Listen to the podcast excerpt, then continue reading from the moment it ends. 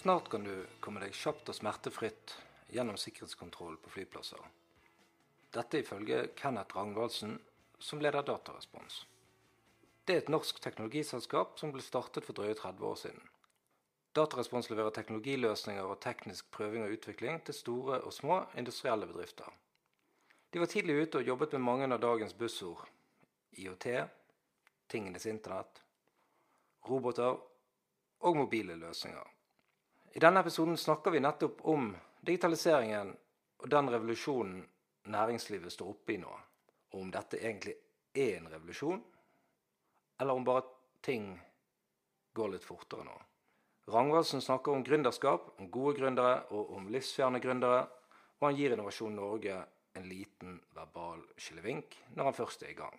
Den norske ingeniøren har han klokketro på.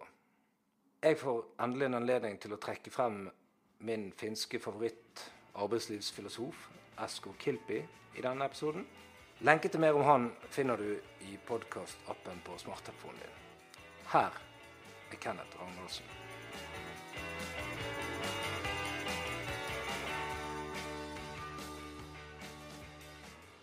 Kenneth Ragnvaldsen, velkommen. Takk. Hva er det egentlig som, sånn sett fra ditt ståsted, hva er som er nytt akkurat nå de siste par årene, om noe? Digitalisering er jo minst 30 år. Eh, connected har jo vært minst 50 år, Mm. og lenger enn det. Og automatisert har vi gjort i flere hundre år. Så du kan si at ingenting er jo helt nytt. Det som, det som skjer, er jo at teknologien blir mer tilgjengelig. Alt blir mindre. Batterilevetiden øker ekstremt. Eh, Den trådløse teknologien er blitt mye bedre og mye mer effektiv. Hardware-kosten fra sensorer og, opp til gatewayen og til smartløsningen er blitt mye billigere. Og eh, i tillegg så har på en måte en del av disse store konsumentdigitalisererne eh, gått i front og, og på en måte sett hva man kan bruke data til.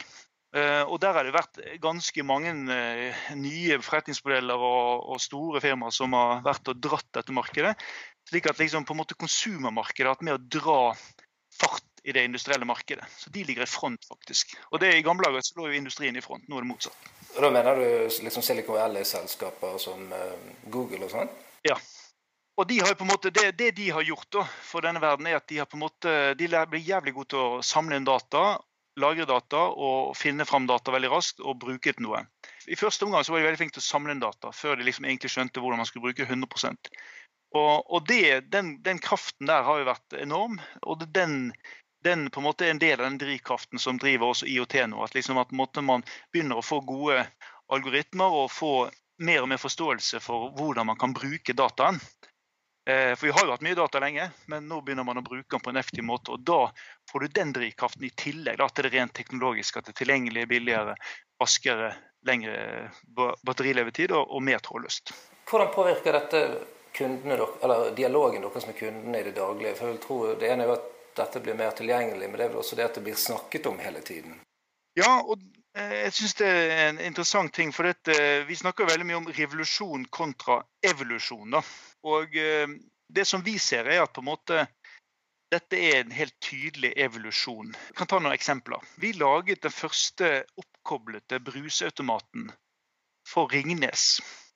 Ja. I, eh, og det var på 90-tallet. Og da lagde vi en eh, brusautomat som hadde da en, en, eh, på en måte en slags IOT-device på innsiden, hvor du kunne da bruke det til transportlogistikksystem smart, da, så man kunne se når eh, cola gikk ned og andre gikk opp, så man kunne ha et mye bedre logistikksystem. Og så kunne du kjøpe brus med mobilen din. Og Det var på 90-tallet. Og Selvfølgelig så var det ingen som klarte det, for mobilen var ikke god nok brukervennlig. og og det var veldig, sant? det var ett pip, så var det, så måtte virket det. Hvis det var to pip, så måtte du gjøre på nytt igjen. Så det var veldig Ja, ja. sånn tidlig fase. Men rent teknologisk så var jo det en trådløs ny løsning som på en måte vi snakker veldig mye om i dag. Dette er da 20 år siden. Vi lagde også da en, eh, I samme abonnement så var det et eh, nystartet firma som laget et scan and pay-løsning for eh, butikker. Og Da kunne du koble på en, en skanner til mobilen og så kunne du gå inn i butikken og så kunne man skanne varer når man gikk ut, og betale på den måten der. Det lagde vi også for veldig lenge siden. Så teknologisk så har man drevet med mye ting lenge, men eh, det er jo nå det begynner å bli markedsmessig interessant. Så det er det hoved, hovedendringen. det at Man ser at det markedsmessige drar det nå. Og det som vi ser på liksom Så, så jeg sier liksom det er, det, det er på en måte to hovedtrender som vi kan si. Det ene er på en måte at ja, det er en evolusjon. Ja, alle snakker om det. Så det er på en måte det som gjør at vi tror at vi liksom får um, denne effekten at vi føler kanskje at nå må vi endre alt, ellers så dør vi i morgen. Det tror jeg har at det er altså på en måte størrelsen på det. For det, alle bransjer jobber med det. Alle kunder som vi har, har prosjekter på dette. Alle industrielle bedrifter jobber med dette. Og det er en enorm utvikling på dette innenfor det forbrukermarkedet. Så jeg tror det, er størrelsen og på en måte det at det skjer overalt, er det som gjør at vi føler at det er en sånn revolusjon. Da. Har du et eksempel på et prosjekt som dere, eller en type prosjekt som dere jobber med nå, som på en måte var helt uh, i det blå for uh, tre-fire år siden? Jeg vil si for eksempel, Ta, ta eksempel Connected Cars. Det jobber vi med veldig mye i Tyskland og i Sverige, hvor det er bilfabrikanter. Eh, og det er store prosjekter, og vi, har, vi er involvert i titalls prosjekter innenfor det området. Hvor du på en måte har sensorer som henter inn data. Man begynner å connecte dette. Man får det opp i gode cloud-baserte løsninger og begynner å, å, samle inn data og det begynner å brukes i større grad. Så I dag så finnes jo det f.eks. løsninger hvor man kan kjøre autonomt eh, i lukkede områder allerede, eller i hvert fall delautonomt i lukkede områder allerede.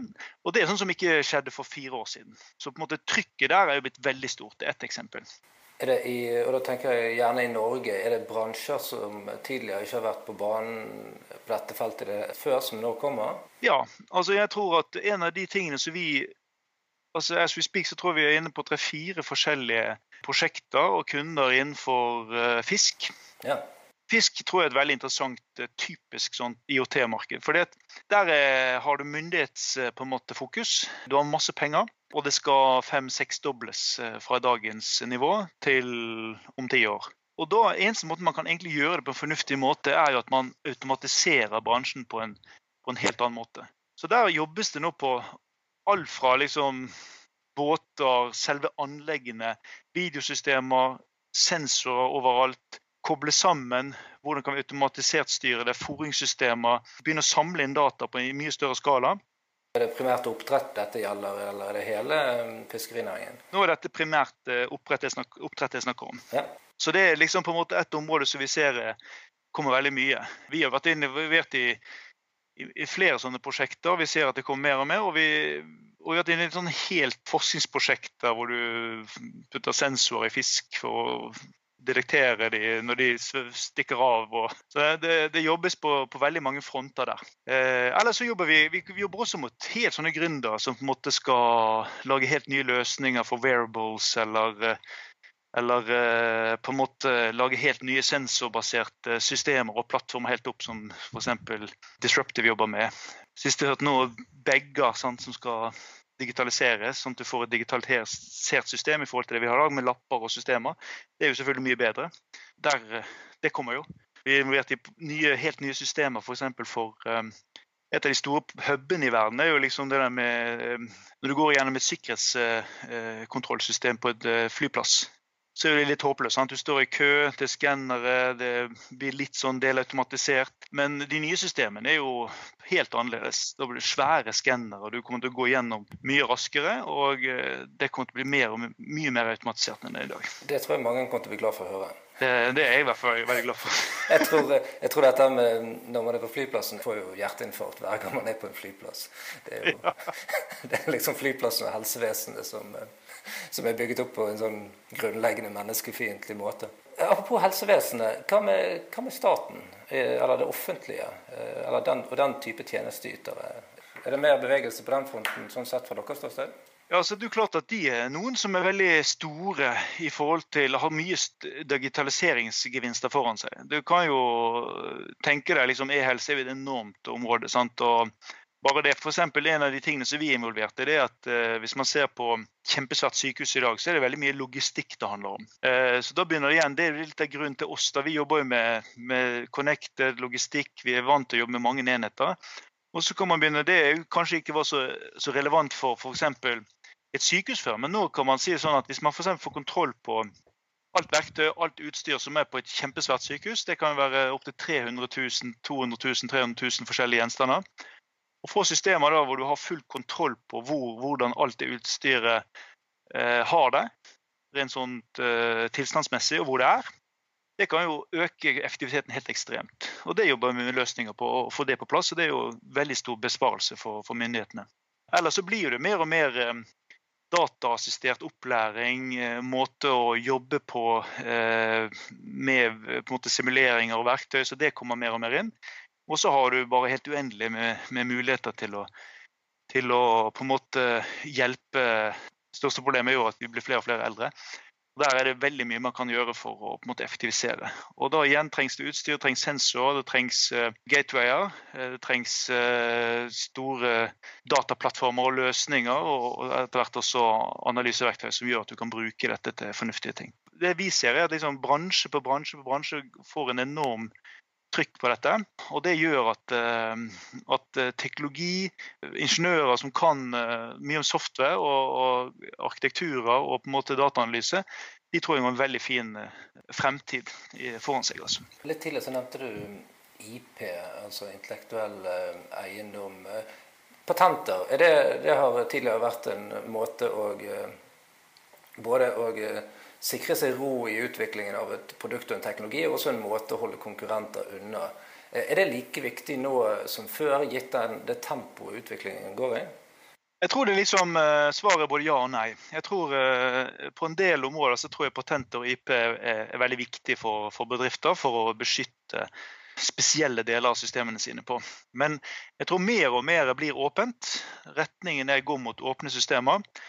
Og bevegelse, hurtighet, den skaper jo da eh, gjør dette mindre verdt. Slik at jeg tror det er viktigere at man liksom på en måte er i bevegelse og, og lager systemer. Beskytter de enkeltdelene som er viktige for deg, og så slipper heller opp på, på, mer og mer.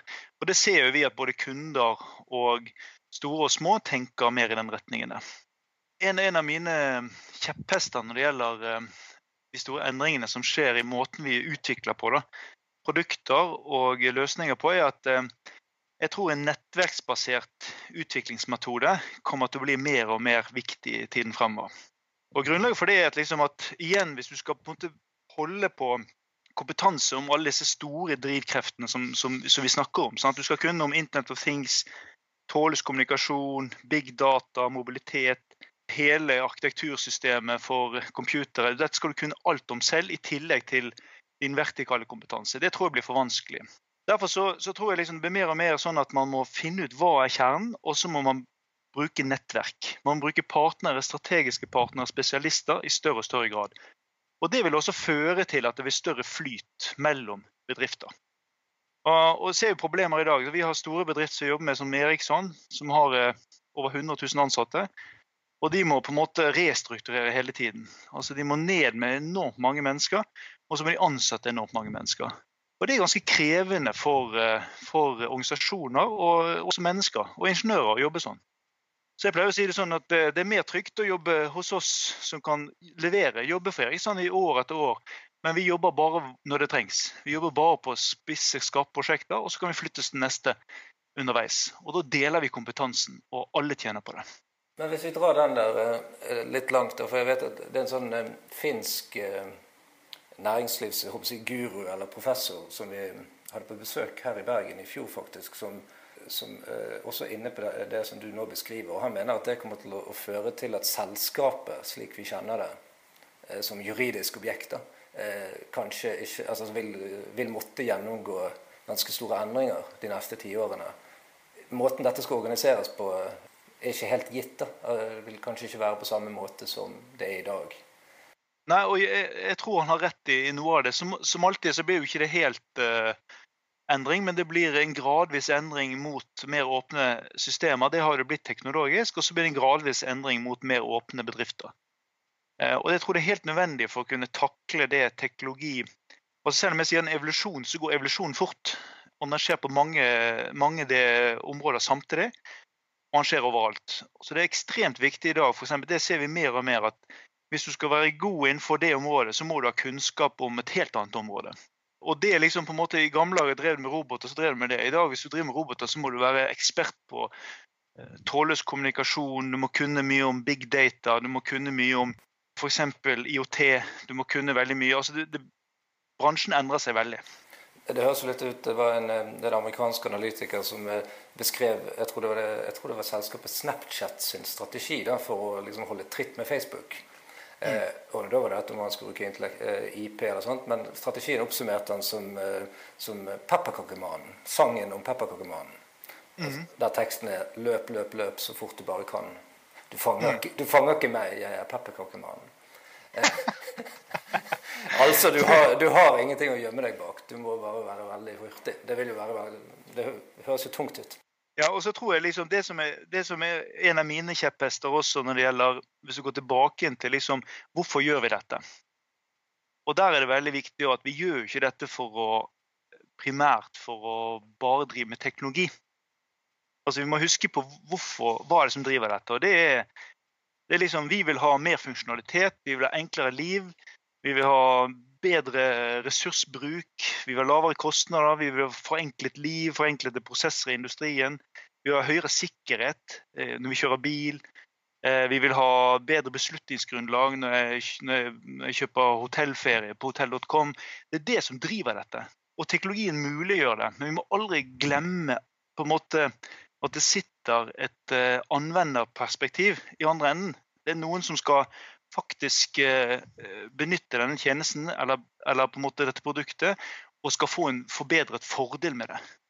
Så markedsaspektet er ekstremt viktig startpunkt også når man skal drive med dette. og Der tror jeg kanskje noen går feil. Og at man igjen, sant, Hypingen er stor, og så drar man i gang og lager masse sensorer, kobler opp alt, og så Ja, hva skal man egentlig bruke det til? og det, det, er veldig viktig at man får det veldig raskt inn når man begynner med dette. Hva er det vi egentlig skal bruke dataen til? Hva er forretningsmodellen? Og så, som du sier, løp, test, få det ut, eh, sett i gang. Ikke prøv å lage det her kjempesystemet. Det ser vi gang på gang at bedriftene er blitt ganske flinke til. Ja, så nå gjelder det bare til offentlig, og så tar det hintet? Ja, jeg tror det, der kan de lære mye. For det, liksom de megastore systemene hvor du skal bli ferdig med alt til slutt, det funker ikke. Og det er jo liksom, Hvis du ser bare på en bil, da, så det er jo klart i dag er jo veldig mye automatisert allerede. Det er delautomatiseringen som egentlig foregår. Det er ikke det at liksom i morgen skal selvkjørende biler gå rundt i alle steder. Men delautomatiseringen den foregår hver eneste dag. Men hvis vi hopper ett skritt tilbake i forhold til dette du beskriver om nettverk og veldig åpent, eh, åpne grensesnitt. Forretningsmodell for et selskap som dere. Eh, selger dere timer, eller eh, altså Hvis du ikke selger produkter, selger du da timer? Ja, ja altså du kan si vi har to output for oss. Og Det ene er timer. Og det kan vi selge enten som en selvstendig spesialisttime, som de bruker oss som en ekspert på wireless eller softwareutvikling eller et eller annet. Eller så kan de eh, bruke oss til å få en plattform eller et produkt, en smart device. F.eks. en gateway. IoT gateways det begynner jo mer og mer. For noe skal jo på en måte Når du skal samle inn dataene, så, så er jo det gjerne trådløst lokalt, og så skal du få dette opp til skyen. Gateways kommer overalt. Det kan vi levere, f.eks. Mm. Så da er det enten så er det liksom timer i form av prosjekter, ferdige prototyper, eh, R&D-prosjekter. Eller så er det løsninger som vi leverer og får betalt for. Det er jo en bransje i Norge utenom det offentlige som er kanskje viktigere enn alle andre. og det er jo oljebransjen. Og Dere jobber vel inn mot den også. Ja. Hvordan ser, ser, oljebransjen ut sett fra deres sted, sett i lys eh, de omstruktureringene som har vært der de siste to-tre årene? Jeg tror liksom, Hvis du tar uh, først det store bildet Jeg tror AS Norge hadde veldig godt av å få seg en liten på tyggene når det gjaldt oljebransjen. For uh, vi har oljepris situasjon som, som gikk fra liksom 100 og et eller annet 14-20 dollar til, til, 27. Men det som var problemet, var at kostnadsbasen i, den norske uh, oljenæringen var jo blitt helt ekstrem. Så selv på de høye oljeprisnivåene så, så spiste jo kostnadene opp mot hele, hele, hele, inntjeningspotensialet. Så vi hadde fått en bransje som var uh, lite, for lite automatisert, for lite effektiv, for lite fokus på kostnader. Og Vi så det ganske tydelig i forhold til sånn som vi har jobbet. Hvis vi jobber med ABB eller jobber med Volkswagen eller jobber med disse store her, så vet du at de er veldig opptatt av både kostnader og måten de tenker på for å effektivisere hele tiden. Og det var ikke helt det samme i den bransjen der. Så jeg tror det at det har skjedd ganske mye. Det har vært et riktig fokus å få inn. Og det har vært bra for alle. Det er bra at myndighetene har fått opp øynene for at vi skal, det finnes andre bransjer. Det er bra at vi ikke har alle banker fokusert på det. Og, det er bra at uh, vi ikke alle ingeniørene våre fokuserer på det. I stort sett så er det, positivt på lang sikt. Også på kort sikt så er det selvfølgelig veldig tøft. Vi har jo sett kunder som har sagt opp 70% av sine ansatte. Så det er klart at det er jo, det er jo rammer veldig hardt eh, enkeltsteder, og det har vi stor forståelse for. Men, men, jeg tror liksom at det som vi ser nå, det er at nå tror vi at vi liksom, det er i en fase nå hvor det begynner å stabilisere seg. Og vi merker det, for vi jobber jo med, med R&D. Og vi ser at volumene er lave, og de kommer til å være lave en stund. Men R&D Vi hadde vårt beste år på R&D services i Norge i fjor. Det sier litt. Og det er teknologisatsing fra den næringen som kommer ganske mye nå. Og det er mer automatisering, bedre teknologiske løsninger, mer effektive løsninger. Være flinkere til å ta i bruk ny teknologi på alt fra leting til monturering til drift til landbasert styring av offshore-installasjoner. Det er bare liksom you name it. Det jobbes over hele linjen. Og der tror jeg kommer til å bli en veldig flott eh, utvikling de nærmeste årene for eh, hele den norske eh, teknologibransjen. Så, så, jeg tror at det kommer til å bli bra etter hvert. Et annet fenomen som får veldig mye omtale i dag, det er dette rundt gründerskap og det å starte bedrifter ja, og knyttet til digital teknologi. Er det noe dere ser mye av eller merker mye til i deres verden? Ja, Vi merker jo veldig mye til det, og vi, eh, vi møter jo også veldig mange av dem. For det, vi er jo en, eh, på en måte en enabler. Vi kan jo hjelpe dem med å faktisk lage ideene sine. Og, og, En av mine ting som jeg har tenkt på ofte, det er at, liksom at i dag så får jo gründere på en måte det, Jeg har jo selv vært med å bygge opp selskapet, så jeg syns det er veldig bra.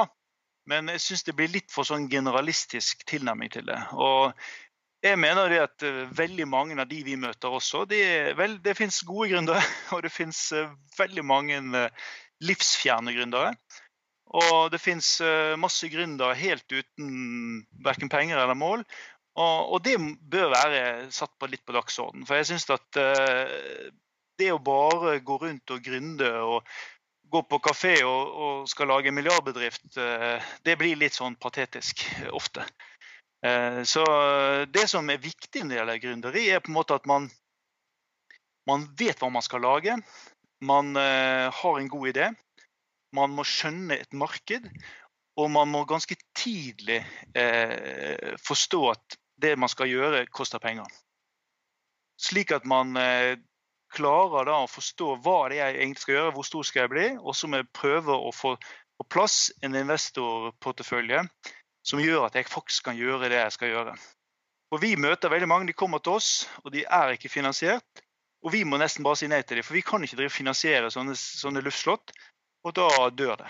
Og de fleste dør da fordi det er litt amatørskap. Og Det synes jeg er et tema som burde vært tatt opp i større grad. Vi skal heie på dem, men vi skal ikke bare heie på, på folk som bare sløser med både tid og penger. Vi, vi må se forskjell på distriktspolitikk og at alle skal alle skal være gründere, til at eh, det må være lov å kjøre på og, og bomme på det. Og gå konkurs f.eks. og prøve igjen. Det er positivt. Den risikokapitalen som trengs, som er mye mer av f.eks. i Sverige og andre steder. Da mener Vi liksom, vi møter jo masse sånne profesjonelle selskaper. Vi har vært med, jobbet med Tamberg, vi har jobbet med, nå jobber med Disrupte. De har kapital, de vet hva de driver med, og de skjønner dette med time to market. Og Da må du ha ressurser til å kunne gjennomføre i forhold til den tiden du har. Og Da kan du ikke sitte og holde på med ditt i fire år og med litt, litt penger her og der. Det, det er sjelden det fører frem. Selv om det finnes eksempler der òg. Så, så, det er veldig viktig med å få mer risikokapital inn. Og det tror jeg faktisk det med oljekrisen vi var inne på, har bidratt til. Eh, er det, da, eh, er det slik at, eh, at vi risikerer at eksempel virkemiddelapparatet, SkatteFUNN og disse ordningene holder kunstig liv i, en, i luftslott? Ja, altså jeg, Vi har jo vært en skattefunnsbedrift i, i, alle år. For to år siden så det, var vi ikke det lenger. Og vi drev ikke med R&D fordi vi driver kommersielt. Og Det syns jeg er helt latterlig. Og vi, eh, det, vi er jo, det er viktig at vi er det pga. våre kunder. Men det er sånn de tenker. Og, og det syns jeg er helt patetisk, egentlig. At, at, man ikke støtter vi som faktisk driver med noe som blir til noe. Men det er bare ett eksempel. og da så jeg mener at det må være mulig at også man får altså I dag er det litt for mange disse helt små eller de helt store som stikker av med kaken. Men det, det, er jo liksom de der disruptivene, det er den gjengen som på en måte trenger støtte, og som vi må legge forhold til rette til, gode rammebetingelser, så de kan bare få massiv hjelp. Og da får du, de bruker jo nettverket veldig raskt. Veldig dyktige, vet hva de driver med, rask eh, til markedet og er veldig flink til å bruke spesialistpartnere som en del av sin oppbygging for å klare time to market. De trenger kapital og har eh, godt med kapital også, men det er slike bedrifter vi må få flere av. Det er, der, det, er det som skaper den store industrien vi er på jakt etter. Eh, så vi må ha flere bedrifter med litt tyngde og litt trøkk. Det hjelper ikke å få én tomannsbedrift til Eh, selv om det er bra, så, så skal vi bygge teknologikløstre, så må vi ha flere fyrtårn, flere som satser mye og bruker veldig mye eh, markedsbasert eh, teknologiutvikling. Veldig mange uh, av de flinke norske ingeniørene har jo jobbet i oljebransjen, og det vil de sikkert fortsette med. Og Norge er vel også verdensledende på flere teknologiske felt som undervannsteknologi osv. Hvordan tror du det blir fremover uh, med utviklingen av oljeindustrien og andre industrier hvordan er mulighetene for den norske ingeniørstanden og de norske ingeniørselskapene de neste 10-20 årene? Altså Mitt inntrykk, Vi har jo som sagt 600 ingeniører. Vi jobber eh, bredt mot mange eh, vertikaler. Vi jobber i, i Norden og Tyskland, vi jobber i Asia. Vi, vi Gjennom kundene våre så møter vi ingeniører fra, fra hele verden. Det store selskapet jobber med. Og Mitt inntrykk er at de norske ingeniørene klarer seg veldig bra. Det er et høyt nivå på norske ingeniører. Og mye av det vi jobber med, er ganske generisk. Sant? Vi jobber med mye forskjellig type softwareutvikling, det er mye sensorjobbing, det er mye eh, bygging av systemer, arkitektur, det er mye utvikling av applikasjoner, det er mye drift. Er mye, vi er veldig gode på tøffe miljøer, f.eks. Er vi helt verdensledende. Vi har jobbet med tøffe miljøer hele tiden. Og alt dette, sånn som med tøft miljø, f.eks., det er jo det som er veldig relevant i IOT. For da kan ikke man bare ta et sånt driftstype kompetansemiljø som er vant til å jobbe backend og inne i store systemer, de stopper litt opp når de skal gå ut og skal legge sensorer eh, for Hydro, eller de skal ut og måtte gjøre helt eh, på en måte eh, liksom Flytte, kan du si, computerteknologien og intelligensen helt ut til den virkelige verden. Og Der har vi de norske ingeniørene en kjempekompetanse. Og, og Derfor så tror jeg liksom at det er veldig bra at vi anvender de på selvfølgelig innenfor det, men eh, nå kan vi flytte vi har jo, vi, nå kan det flyttes inn mot industri, kan flyttes inn mot eh, eh fisk, vi kan flyttes inn mot eh, eh, Vi har veldig mange gode miljøer rundt eh, sensorteknologi. Mange gode miljøer rundt videoanalyse. Veldig mange gode miljøer rundt forskjellige typer teknologiområder. Og, og, det er en ganske god sånn gründerånd rundt oss. Så, så det er på en måte bare det, det, det kan du si, Den kommersielle markedene de endrer seg. Men kompetansen den er mennesker, og de er dritflinke. Så de, det kommer til å gå kjempebra. Så vi får uh, nye leverandørindustrier uh, si, som ledd i denne utviklingen, tror du? Ja, det tror jeg. Og så tror jeg selvfølgelig at vi kommer til å ha altså en hovedtrend som Hvis du kan ta digitalisering, AI, eh, industriell digitalisering, altså alt det vi har snakket om i dag. Jeg, det som er hovedtemaet her, det er at software eats the world, som en sa. Mark Andreessen. Det, det, er, det er og blir mer og mer software i verden. Eh, det reflekterer vårt firma. Vi har eh, 80% av våre ingeniører er softwareingeniører. Det betyr ikke at ikke hardwareingeniørene er like viktig, men det, der, eh, det er det som kreves da, for at vi skal koble alt sammen, få intelligens ut overalt. Så kreves det software på lavnivå, på mellomnivå og på applikasjonsnivå, og ikke minst på dataanalysenivå. Så eh, det er jo et eh, oppfordring til alle unge, sterke, flinke mennesker. Fokuser på Hvis du er god på softwareutvikling, dataanalyse eller bygging av systemer, så kommer du til å ha jobb så lenge, så lenge du lever. Men Det er en veldig bra overgang til, til avslutning der vi vil ha et, måte, et fast segment.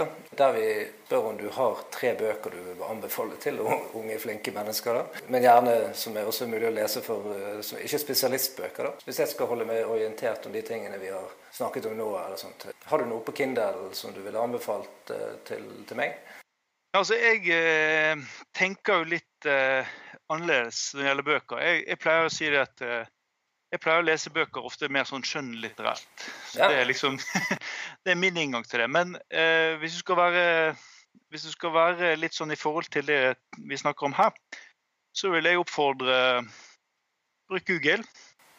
Veldig effektivt. Ja. Eh, gå inn i et tema som du interesserer deg for. Bruk Google, og verden åpner seg. Eh, YouTube.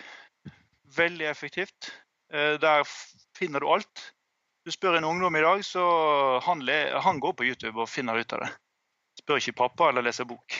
Og det siste, TED Talks. Eh, gå inn der. Hør om digitalisering, hør om AI. Eh, sitte, ofte de, de, er korte, de er gode. Eh, også selvfølgelig der finnes det På den måten så kan man også få tak i veldig mange dyktige mennesker som man kan da lese mer om. Og da kan man gjøre alt fra å lese biografier og og på en måte dra til klart skal du ha bøker. Les om Jeg har lest om Jobs og Musk og gjengen. Det, er jo, det er jo gøy å lese om dem. Så ja, det er mitt, mitt råd. Veldig bra råd. Eh, les skjønnlitteratur og bruk internett. Det syns jeg var et veldig godt råd. Eh, Kenneth Ranholdsen, tusen takk for at du stilte opp. Takk for at jeg fikk komme.